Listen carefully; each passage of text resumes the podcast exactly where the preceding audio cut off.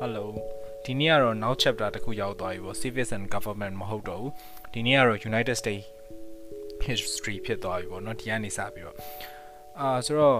ဒီကနေစပြီးတော့ရှေ့ရ chapter နဲ့ပုံစံမျိုးချင်းကတူမှာမဟုတ်ဘူး history ဆိုတော့အားလုံးကပုံစံကတော့ရင်းနှီးပြီးသားဖြစ်လိမ့်မယ်ပေါ့เนาะအထက်ကအကြောင်းကတော့ရင်းနှီးခြင်းမှာရင်းနှီးမယ်ပုံစံကတော့ဒီ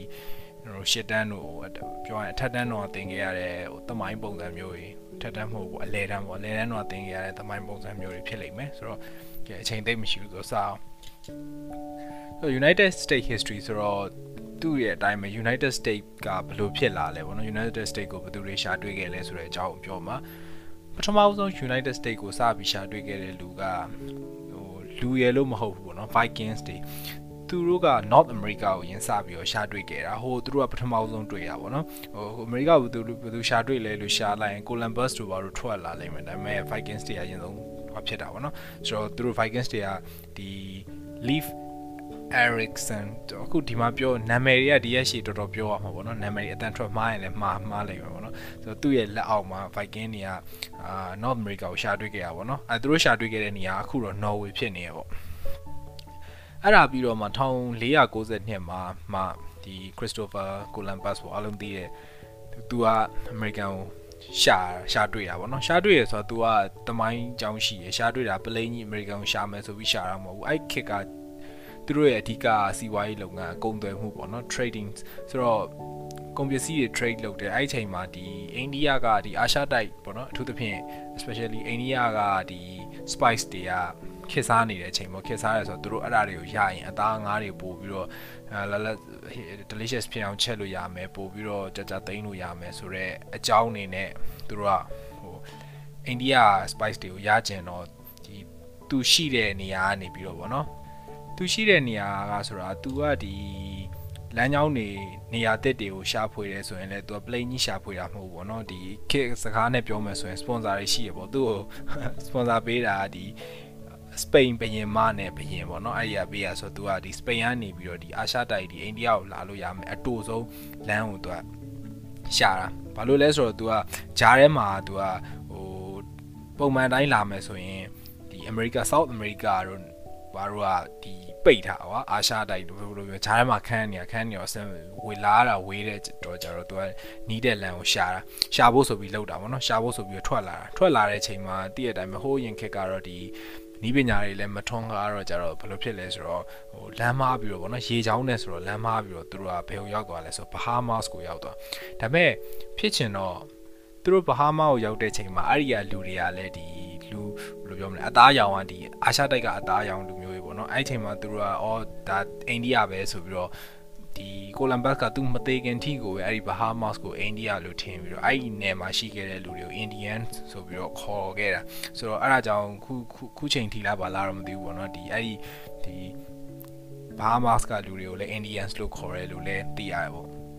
ဆိုကိုလမ်ဘတ်ကအဲ့ဒါပြီးတော့တော့သူကသူရှာစရာရှိတာရှာပြီးတော့သူတို့နယူးယောက်ကိုပြန်သွားတယ်အဲ့ဒီဒီဒီဘာဟာမတ်ကိုရောက်ပြီးတဲ့နောက်မှာပဲရေချောင်းခရီးစဉ်၃ခုတောင်လုပ်ခဲ့ရပေါ့နော် ဒါဒီ Columbus North America ပေါ့နော် Bahamas ကိုဘယ်လိုရောက်လာလဲဆိုတော့တမိုင်းကြောင်းပေါ့ဒီ Columbus ရဲ့နောက်မှာမှာ Columbus ကဒီ North America ကိုရောက်တဲ့ချိန်မှာသူတို့တွေကဒီတဆင်စကားတဆင်နာနဲ့ပေါ့နော်ဒီချိန်မှာဒီဒီနေရာမှာဒီတဆင်စကားတဆင်နာဆိုလို့သူတို့အဲ့ခေတ်ကဒီ information ကိုဘယ်လိုမျိုးအကူတန်းလုပ်လဲဆိုတဲ့အကြောင်းပြောပြမှာ information ကိုသူတို့ကဆက်မပြောတာတော့ဒီတချင်းနေရေးတယ်ပေါ့နော်အဲ့ချိန်မှာသူတို့ဒီ ခရီးသွားပြီးတော့ဒီ information တည်ပေးတဲ့ messengers တွေကသူတို့ရဲ့ဟိုအသက်မွေးဝမ်းကြောင်းနေနဲ့လုပ်တဲ့လူကိုပဲရှိတယ်ပေါ့နော်ပြီးတော့နောက်တစ်ခုကဒီ tradies တွေပေါ့ tradies တွေကလည်းသူတို့ကုန်ပစ္စည်းတွေရောင်းရတာဆိုသူတို့ကတနေနဲ့တနေကိုဒီလိုပဲကူးနေကူးနေတဲ့ချိန်မှာဒီရှေ့တနေကအကြောင်းအရာတွေကိုသူကနောက်နယ်မှာပြောပြတယ်အဲ့လိုမျိုးနီးနေပဲဒီ information ကိုဟိုဘယ်လိုပြောတည်ယူခဲ့ကြပါပေါ့ဆိုတော့အဲ့လိုအဲ့လိုနဲ့ Columbus North America ကိုရောက်တယ်ဆိုတာသိတော့နောက်လူတွေကလည်းဒီ North America ကိုလာကြတော့ကြတော့ လာတဲ့လူတွေအများကြီးရှိတယ်1500လောက်မှာဒီ Spanish ပေါ့နော်ဒီ Spanish လူမျိုးကသူကသူ့ရဲ့နာမည်က Juan Bounty Leon ပေါ့နော်ခုနပြောလို့နာမည်ကတော့မှားမှားလိမ့်မယ်သူကရွှေရှာဖို့ဆိုပြီးလာတာနော်အမေရိကကိုရှာဖို့ဆိုပြီးလာတာတော့မဟုတ်ဘူးရွှေရှာဖို့ဆိုပြီးလာရင်းနဲ့မှာသူကဒီတွေ့သွားပါတော့ဟိုအမေရိကအတိုက်ကိုရောက်လာတာခုနပြောလို့ရွှေတွေ့နေလားမတွေ့လားတော့မသိဘူးရောက်လာတယ်သူရောက်တဲ့ဟာဘယ်မှာလဲဆို Florida ကိုရောက်တယ်နော်နှစ်နည်းနည်းနည်းကြာတဲ့အချိန်မှာဟင် ဟာနန်ဒိုဒီဆိုတိုပေါ့နော်သူကဒီ North America ကိုရောက်လာပြီးတော့သူကဘယ်လိုပြောမလဲ South East Eastern State တွေကိုသူကပထမဆုံးတွေ့ခဲ့ရပါတော့ပြီးတော့ကျတော့သူက Mississippi အထိသူကရောက်ခဲ့တယ်အဲ့နောက်မှာသူက Francis Vasquez ဒီ Coronado ပေါ့နော်သူကကျတော့ဒီ American ရဲ့ Southwest State တွေကိုရောက်ခဲ့အဲ့နောက်မှာမှာ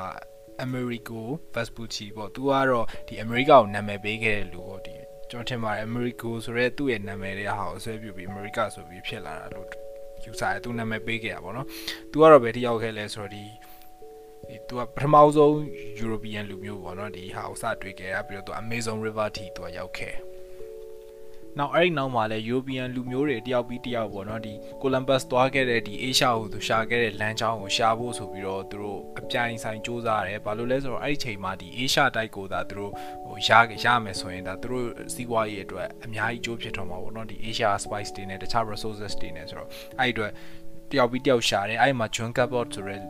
ခုနပြောခုနလိုပြောမယ်ဆိုရင်သူ့ကို sponsor ပေးတာအင်္ဂလန်ကပေါ့နော်အင်္ဂလန်ပေးတာ तू ကဒီ ခုနပြောလို့အာရှတိုက်ကိုရှာဖို့ဆိုပြီးလာတယ်ဒါပေမဲ့ကနေဒါကိုပဲရောက်တယ်ဒါပေမဲ့သူကကနေဒါကိုရောက်ပြီးတော့သူက rich fishing areas တွေကိုတွေ့တယ်ပေါ့နော်ပြီးတော့သူလည်းအင်္ဂလန်ကိုပြန်တယ်အဲ့နောက်မှာအီတလီလူမျိုးဒီ Giovanni da Verenzano ပေါ့နော်နာမည်ကတော့တကယ်ဟာပဲသူဒါပါတော့သူကဒီ French ဘယင် Francis အတွက်သူကအလုပ်လုပ်ပြရပေါ့ပြောရရင်တော့ French ဘယင်ကသူ့ကိုစေလွတ်တာပေါ့ဒီ Atlantic Coast North America ကို သူရောက်လာတယ်သူကပထမဆုံး Europe လူမျိုးဒီ New York Bay ပေါ့နော် New York New York ကိုစပြီးတော့ဝင်ခဲ့တဲ့ပထမဆုံးလူမျိုး1608ခုနှစ်မှာကျတော့ဒီ Smule Campaign ဆိုတဲ့သူကသူကဒီကနေဒါမှာပထမဆုံးအခြေချခဲ့ပေါ့နော်ပုံမှန်ရှေ့အခြေချရဆိုတဲ့အဓိပ္ပာယ်ရှေ့ကလူတွေကသူကလာတယ်သူကသူရှာစရာရှိတာရှာသူတို့ဟို သူတို့ရဲ့ရှိရွယ်ချက်ပေါ့နော်ဒီ trading လုပ်ဖို့တော့၎င်းတစ်ခုခုတော့၎င်းရှာစရာရှိတာရှာပြီးသူတို့နေရာသူတို့ပြန်သွားတယ်ဒီဟွာကတော့ပထမဆုံး settle လုပ်ခဲ့တဲ့လူပေါ့အဲ့နောက်မှာတော့ the dash လူမျိုး dash လူမျိုးတွေကိုယ်တိုင်လာတာတော့မဟုတ်ဘူး sorry သူက dash လူမျိုးတွေကဒီ Asia ကိုရှာဖွေဖို့အတွက်ဆိုပြီးတော့အခုထိ Asia ကိုလာဖို့နီးကိုအပြိုင်ဆိုင်ရှာကြတော့เนาะရှေ့မှာပြောခဲ့သလိုပဲစီးပွားရေးအဆင်ပြေပိုကောင်းလာမှာဆိုတော့အဲထားပါတော့ dash လူမျိုးတွေကဒီ Asia ကိုရှာဖွေဖို့အတွက်ဆိုပြီးတော့ဒီ English အာတင်မော့ကပတိန်ပေါ့နော် Henry Hudson ကိုသူက1609ခုနှစ်မှာလွှတ်လိုက်တာလွှတ်လိုက်တော့ Henry Hudson ကဒီအခုအခု Hudson မြစ်ဖြစ်နေတဲ့နေရာပေါ့နော် New York Hudson မြစ်က New York မြို့ဖြတ်ပြီးစီးသွားတယ်ဆို Hudson မြစ်ကနေပြီးသူကမောင်းလာတယ်မောင်းလာပြီးတော့ Hudson မြစ်ကိုရောက်ခဲ့တယ်ဆိုတဲ့အတိတ်ပဲ New York ကိုရောက်ခဲ့တယ်ဆိုတာနဲ့သဘောတရားချင်းအတူတူပဲပေါ့နော်ဒီနေရာမှာပြီးတော့ကျတော့သူက I had New York ကိုရောက်တယ်ပြီးတော့နောက်ပြီးတော့အခု New Netherland ဖြစ်နေတဲ့နေရာကိုလည်းသူတို့ရောက်ခဲ့တယ်အဲ့ New Netherland ကသူတို့ Dutch လူမျိုးတွေရဲ့အဲ့တုန်းကပထမဆုံး colony လုပ်ခဲ့တဲ့နေရာပေါ့ဆိုတော့အဲ့ Hudson မြင်းနဲ့ပတ်သက်ပြီးတော့လေစာနဲ့မဆိုင်ဘဲနဲ့ဘူးတုဒတခုပြောပြမယ်ဒီနေ့မှာအကျော်ရှည်ရတော့မဟုတ်ဘူးပေါ့နော်ဘာလို့လဲဆိုတော့အဲ့လိုအဲ့လိုမျိုးတွဲမှတ်လိုက်မယ်ဆိုရင်အဲ့ Hudson မြစ်က New York ကိုထဲကိုဖြတ်ပြီးစီးသွားတယ်ပြီးတော့ဘသူရောက်ခဲ့တယ်ဆိုတာမမေ့တော့ဘူးဗျာအဲ့ဒါဘာလဲဆိုတော့ဒီ Hudson မြစ်ထဲကိုဒီလေယာဉ်ကြီးထိုးဆင်းမှုလည်းဖြစ်ရမှန်တစ်ခုရှိတယ်အဲ့ဒါကျွန်တော်ထင်2009ခုနှစ်ထင်တယ် American လေကြောင်းလိုင်းကဒီ1549ပေါ့နော်လေယာဉ်ဘာလို့အဲ့ဒါမှတ်မိနေအောင်ဆိုအဲ့ဒါဇာကားရှိတယ်ဗျဖြစ်ရမှန်ကိုရိုက်ထားအဲ့ဒီလေယာဉ်ကဒီသူဘယ်ကနေထွက်တာလဲဘယ်လိုသွားလဲဆို destination တွေကိုကျွန်တော်တေချာမမှတ်မိတော့ဘူးအဲ့မှာမောင်းနေရင်လည်း engine တစ်ခုခု engine ချိုးရမ်းသွားပါတော့ engine ချိုးရမ်းသွားတော့ပြက်ကြပြက်ကြတော့အောက်ကဒီလေကြောင်းကလေကြောင်းထိန်းသိမ်းရလူတွေကတော့ဒီ တက်ခဲ့တဲ့နေရာပေါ့နော်ဒါမှမဟုတ်အနည်းဆုံးလေစိတ်ကိုဆင်းဖို့ဆိုပြီးညွှန်ကြားဒါပေမဲ့ဘလို့မှမဖြစ်တော့တဲ့အဆိုကပတိန်ကဒီဟတ်ဆန်မြေထဲကိုသူထိုးဆင်းလိုက်တာထိုးဆင်းလိုက်တော့နယူးယောက်ပေါ့နော်နယူးယောက်မြို့လေခေါင်းကြီးနော်အဲဟတ်ဆန်မြေကြီးကမြင်သားအောင်ပြောအဲဇာကားထဲမှာကျွန်တော်လည်းအပြင်မှာတော့မမြင်ဘူးဇာကားထဲမှာလောကနယူးယောက်ရဲ့မြို့လေခေါင်းကြီးအဲဟတ်ဆန်မြေထဲကိုလေရင်ကြီးထိုးဆင်းလိုက်တာဆိုတော့အဲ့မှာလေရင်သားပြက်ကြတာလူတယောက်မှမသိဘူး ဘာလို့ဆိုတော့နယူးယောက်မြို့ထဲလည်းဖြစ်တော့ကြတော့ကယ်ဆယ်ရေးတွေလည်းအချိန်မီရောက်လာပြီးတော့လေရင်လည်းချက်ချင်းရေထဲကိုမြုပ်မသွားဘူးလေလေရင်ဆိုတော့လုံတော့ကြတော့အာဆိုတော့အဲ့ဒါဖြစ်ပြရှိတယ်တကယ်ဖြစ်ရမှာပေါ့နော်ဇာကားကြည့်ကျင်တယ်ဆိုရင်စူလီတဲ့စူလီဆိုတာတော့သူကဘာလို့စူလီလို့နာမည်ပေးရလဲဆိုအဲ့ကပတိန်ရဲ့နာမည်က Chesley Sully အာ Slan Parker အဲ့အဲ့နာမည်အဲ့သူ့အစွဲပြုပြီးတော့စူလီဆွဲနာမည်ရှိတယ် Tom Hanks လားမသိဘူးမင်းသားတစ်ချက်တော့ကြည့်ကြည့်လိုက်ကောင်းတယ်ကဲကဲစာဘက်ကိုပြန်သွားမယ် ဘလို့ပဲပေါ့နော်ဒီ European လူမျိုးတွေကသူတို့ရဲ့ New World ပေါ့နော်ဒီနယ်မြေသစ်တွေရှာဖွေပါစေသူတို့နယ်မြေသစ်ကိုတွေ့တဲ့အချိန်တိုင်းမှာသူတို့ရဲ့ဒီပြောရရင်တော့ influence တွေကပါလာတယ်ပေါ့နော်ပြောရရင်တော့ language တွေဒီအစားအစာနဲ့ပတ်သက်တဲ့ဟာတွေဝတ်စားစင်ရံပုံတွေအဲ့ဒါတွေအကုန်လုံးကသူတို့ကိုရန်လည်း European လူမျိုးတွေဖြစ်တဲ့အတွက်နယ်မြေအသစ်တွေရှာပြီးတော့နယ်မြေအသစ်တွေမှာ settle ချသည့်တိုင်အောင်သူတို့ရဲ့ဒီ influence တွေအဲ့ဒါကြောင့်အခုချိန်ထိဒီ America တို့ဘာလို့ပဲမှာ Europe ဘယ်လိုပြောမလဲ traditions တွေလွှမ်းမိုးနေတာပေါ့ဆိုတော့အဲ့ဒါကတော့ဒီ American European တွေကဘယ်လို America ကိုရှာဖွေတွေ့ရှိခဲ့လဲ explore လုပ်ခဲ့လဲဆိုတော့အာ subtitle အခွဲဖြစ်ပါတယ်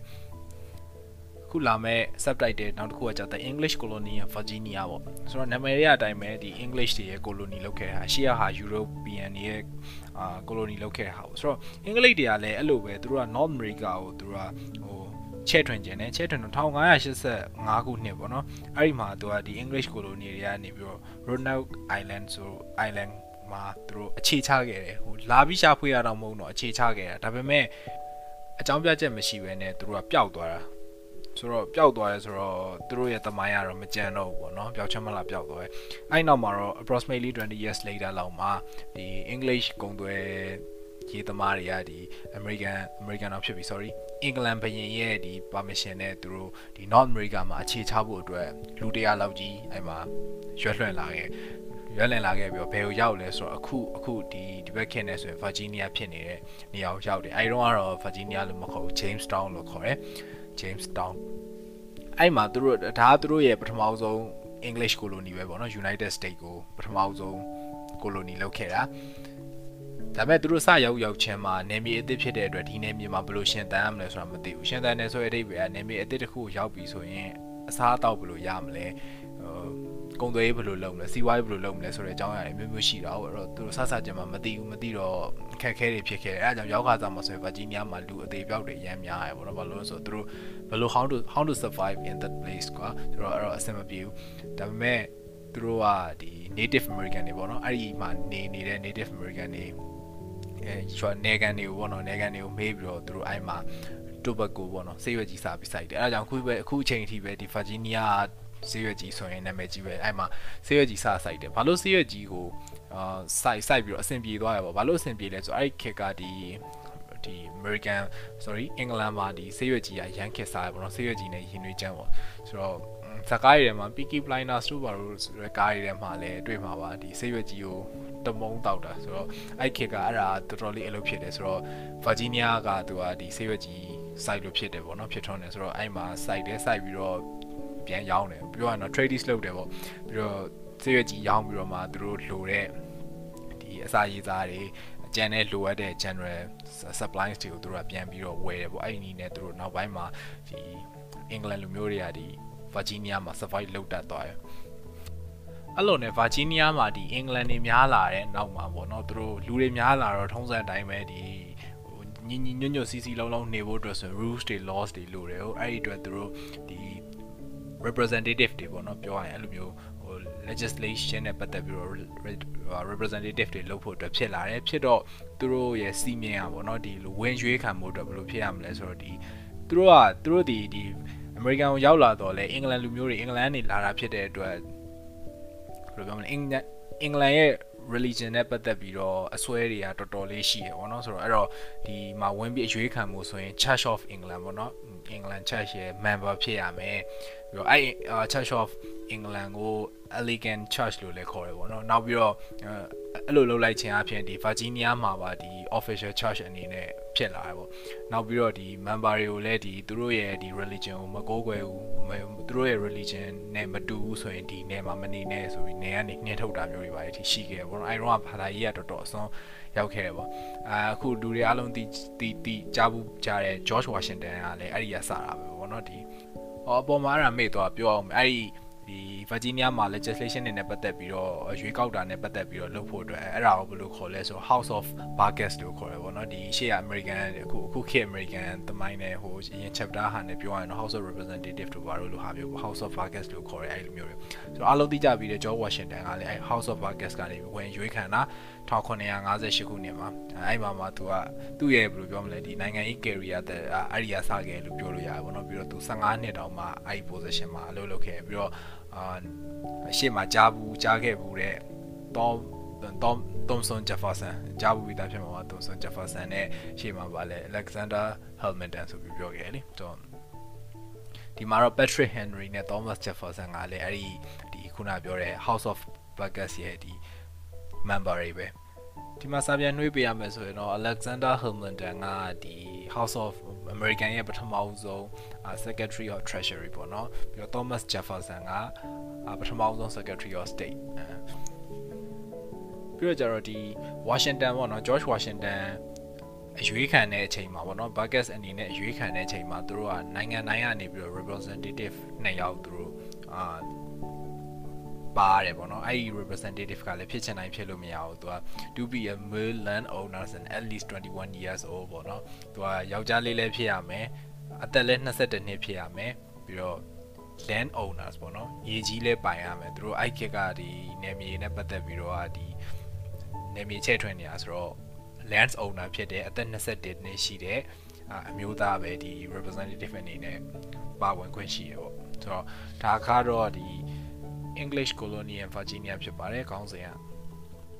1600လောက်မှာကျတော့သူဒီပြည်မာကြီးတဲ့ကပေါ့နော်ဒီအင်္ဂလန်ပြည်မာကြီးတဲ့ကလူတွေကိုယ်တိုင်ကဒီခုနရှေ့မှာပြောခဲ့တဲ့ဒီ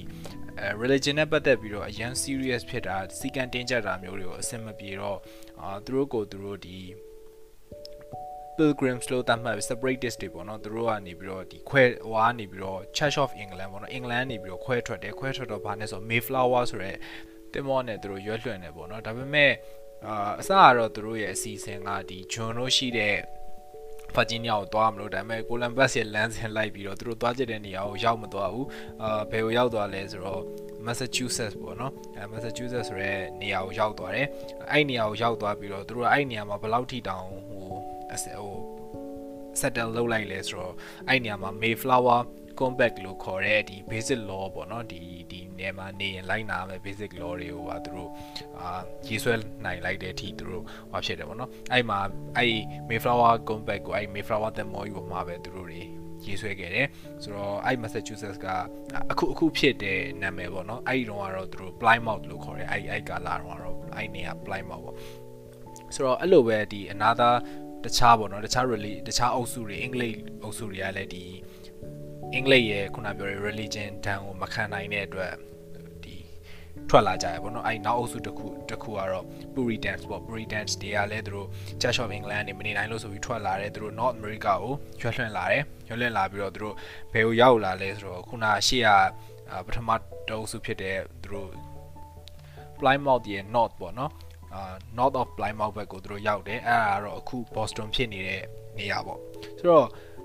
ဒီ Puritans တွေကသူတို့ရဲ့ဒီအခြေကျသွားတဲ့နေရာကိုသူတို့ Massachusetts Bay Colony လို့သူတို့ခေါ်တယ်ဆိုတော့သူတို့ရဲ့ဒီ colony လောက်တဲ့ဟာကတော်တော်လေးအောင်မြင်တယ်ပေါ့နော်ဘယ်လိုဘာလို့လဲဆိုတော့ဒီ1640လောက်မှာဆိုရင်ဒီ Puritans 2000လောက်ကဒီအင်္ဂလန်နေပြီးတော့ဒီဘက်သူတို့ရဲ့နေမျိုးရွှေ့လာရပေါ့နော်အဲ့တော့တဖြည်းဖြည်းနဲ့ကြီးကြီးလာပြီးအဲ့ဒီနေရာကို New England လို့ခေါ်လိုက်တယ်ပေါ့ဘလို့ပဲအောင်မြင်အောင်မြင်ပေါ့နော်အဲ့ဒီနေမြေကကြီးလာကြီးလာ သူတို့ကဒီအင်္ဂလန်ရဲ့ဒီ religion နဲ့ပတ်သက်တဲ့ဟာကိုလွန်ဆန်နိုင်ခြင်းမရှိသေးဘူးပေါ့ဆိုတော့လူတွေကဗျာအင်္ဂလန်ကဒီ religion ကိစ္စနဲ့ပတ်သက်ပြီးတော့စီကံတင်းကျပ်တာကိုမခံနိုင်လို့ရွှေ့လာပါတယ်ဆိုနေမှာနာမည်ပဲပြောင်းသွားပြီးတော့ဒီတိုင်းပဲဆက်လုပ်နေတော့လူတချို့ကမကျေနပ်ဘူးပေါ့ဒါပေမဲ့တချို့လူတွေကတော့ကျေနပ်တယ်ဒါပေမဲ့တချို့ကတော့မကျေနပ်ဘူးပြီးတော့ law ကလည်းအဆင်မပြေတာရှိရပေါ့နော် mail တွေပဲဟိုဥမာ church member ပေါ့နော် church member mail တွေပဲ vote လုပ်ခွင့်ရှိမယ်လို့ပါတော့ဆိုတော့အဲ့ဒါအဲ့ဒါအဲ့လိုဟာမျိုးတွေမကြိုက်လို့ရွှေ့လာပါတယ်ဆိုဒီလိုထပ်ဖြစ်တော့အဲ့မှာမကြိုက်ကြဘူးတချို့မကြိုက်ကြဘူးမကြိုက်ကြတော့ကြတော့ဟို Roger William လို့ခေါ်တဲ့လူကဒီအစင်မပြေတော့ကြတော့သူကသူကယုံကြည်တာကကြတော့ဒီ government နဲ့ပြောရရင်တော့နိုင်ငံရေးနဲ့ဘာသာရေးနဲ့ကိုခွဲခြားပြီးတည်ဖို့အတွက်သူကအဲ့လိုမျိုးပြောတာပေါ့ပြောတော့ကြတော့သူနဲ့သဘောတရားချင်းမတူတော့အဲ့ဒီ Roger ကိုသူက Roger William ကို Puritan တွေကနေပြီးတော့အဲ့နေကနေပြီးတော့နှင်ထုတ်လိုက်ကြအောင်အဲ့တော့ Roger William ကသူနယ်မြေအသစ်ရှာရတော့တယ်ပေါ့နော်အဲ့မှာရှာရှာတဲ့အချိန်မှာသူရဲ့ Rhode Island ဆိုဆိုပြီးတော့နယ်မြေအသစ်ဖြစ်လာတယ်1636ခုနှစ်မှာ Rhode Island ကသူမှာသူကိုပိုင် government တွေပိုင်းနဲ့ဖြစ်နေပြီဖြစ်တဲ့အချိန်မှာတော်တော်လေးလဲ separate ဖြစ်တယ်ပြီးတော့ ပြီးတော့ဒီကိုးကွယ်တဲ့ဘာသာကိုလည်းကြိုက်ရကိုးကွယ်ဆိုပြီးတော့သူသူပြည်နယ်ကအဲ့လိုမျိုးဖြစ်သွားရပေါ့နော်ဆိုတော့အခုချိန်ထိဆိုရင်ဒီနေရာမှာရောရောမှာဆိုလို့ပြန်ချုပ်ပေးရတယ်ဆဆချင်းပထမဆုံးရောက်ခဲ့တဲ့အုပ်စုအုပ်စုကသူတို့အာ Massachusetts ကိုရောက်တယ်ပေါ့နော် Plymouth လို့လည်းခေါ်မယ်ဆိုတော့အဲ့ဒါနေမြေတစ်ခုသူတို့ Mayflower တင်မောနဲ့ရောက်လာ Mayflower အာ combat တွေပါတွေသူတို့ရေးဆွဲတယ်အဲ့ဒါတခုပြီးတော့ကျတော့ Puritans တွေကသူတို့ North Plymouth ဘက်မှာ Boston ပေါ့နော်အခု Boston လို့ခေါ်တဲ့နေရာကိုရောက်တယ်အဲ့ဒီမှာမှတော်တော်လေးကြီးလိုက်တယ်ဒါပေမဲ့ဒီ religion နဲ့ပတ်သက်တဲ့ဟာတွေကဒီအင်္ဂလန်နဲ့ပြည်မကြီးနဲ့ဘာမှထူးမခြားနာဖြစ်နေတဲ့အတွက် Roger Williams ကပြောတဲ့ဟာကိုလက်မခံမဲ့ Roger Williams ကိုနှင်ထုတ်လိုက်တဲ့အတွက် Roger Williams ကနေမြေသစ်တစ်ခုတွေ့သွားတယ်အဲ့ဒါကဒီ Rhode Island ပေါ့နော်ဆိုတော့ Rhode Island အခုချိန်ထိနေမြေ၃ခုရှိပြီ အဲ့ Puritan စီထဲမှာလည်းတခြားမကျေနပ်တဲ့လူတွေလည်းရှိသေးရပေါ့နော်အဲ့ဒီထဲကနေမှ Thompson အာ sorry Thompson အောင်ဖြစ်ပြီ Thomas Hooker ဆိုရဲဒီလူကသူကဒီခုန Puritans တွေရဲ့ဒီ William လိုပဲ Puritans တွေရဲ့ဟာကိုလက်မခံနိုင်တဲ့အတွက်သူကဒီလူတွေပေါ့နော် သူနဲ့ဒီလူတွေနဲ့တော့ဆက်မနေနိုင်တော့ဘူးဆိုပြီးတော့သူနဲ့သဘောထားချင်းတူတဲ့လူတွေကိုစုပြီးတော့ Connecticut ဆိုတဲ့အခု Connecticut လို့ခေါ်တဲ့ပြည်နယ်ကိုသူကထူထောင်လိုက်တယ်ပေါ့နော်အဲအဲ့မှာဆိုရင် law ကသူစိတ်ကြိုက်ပဲပေါ့နော်ဟိုဒီ church ဒီ England or church ဟုတ် member ဟုတ်ဟုတ်မဟုတ်ဟုတ်ယောက်ျားဟုတ်ဟုတ်မဟုတ်ယောက်ျားလေးဖြစ်ရင်ပြီးရောဆိုပြီးမဲပေးခွင့်ရှိတယ်ပေါ့အဲအဲ့လိုအခြေအနေထိရောက်သွားတယ် အဲ့ဒီ Puritan State ထဲမှာရှိတဲ့လူတွေပေါ့နော်တနည်းအားဖြင့်ပြောရရင်တော့ Massachusetts Bay Colony ပေါ့အဲ့ဒီ Bay Colony ကလူတွေကဒီ North ဘက်ကိုသူတို့အခြေချဖို့ဆိုပြီးတော့ဆက်ပြီးနေချဲရင်းနဲ့သူ New Hampshire ပေါ့အဲ့ဒီပြည်နယ်ကိုလည်းတခုထပ်ပြီးတော့ထူထောင်ခဲ့တယ်ဆိုတော့ခုနပထမအပေါ်မှာပြောခဲ့တာ၃ခုနဲ့အခု Connecticut နဲ့ New Hampshire ဆိုတော့ပြည်နယ်၅ခုတောင်ဒီရှိသွားပြီပေါ့နော်အဲ့ဒီဒီပြောရရင်တော့ Massachusetts ပတ်ချလဲမှာ အဲ့နောက်1632ခုနှစ်မှာ King Charles ပေါ့နော်ရဲ့အင်္ဂလန်ရဲ့ King Charles ကသူ့ရဲ့ North America North America ကိုဒီ Celsius Self Calvert ဆိုရဲသူပေးလိုက်တယ်ဆိုတော့အဲ့လူကဒီ English Nobel ပေါ့နော် English Nobel သူ့ကို Lord Baltimore လို့သိကြတယ်ဆိုတော့အဲ့ဒီနောက်ပြီးတော့ကျတော့ဒီ Calvert ကနေပြီးတော့ဒီ Maryland ကိုသူကထူထောင်လိုက်တယ်ထူထောင်တယ်ဆိုတော့ဘာလို့ဖို့လဲဆိုတော့ဒီအင်္ဂလန်မှာဒီ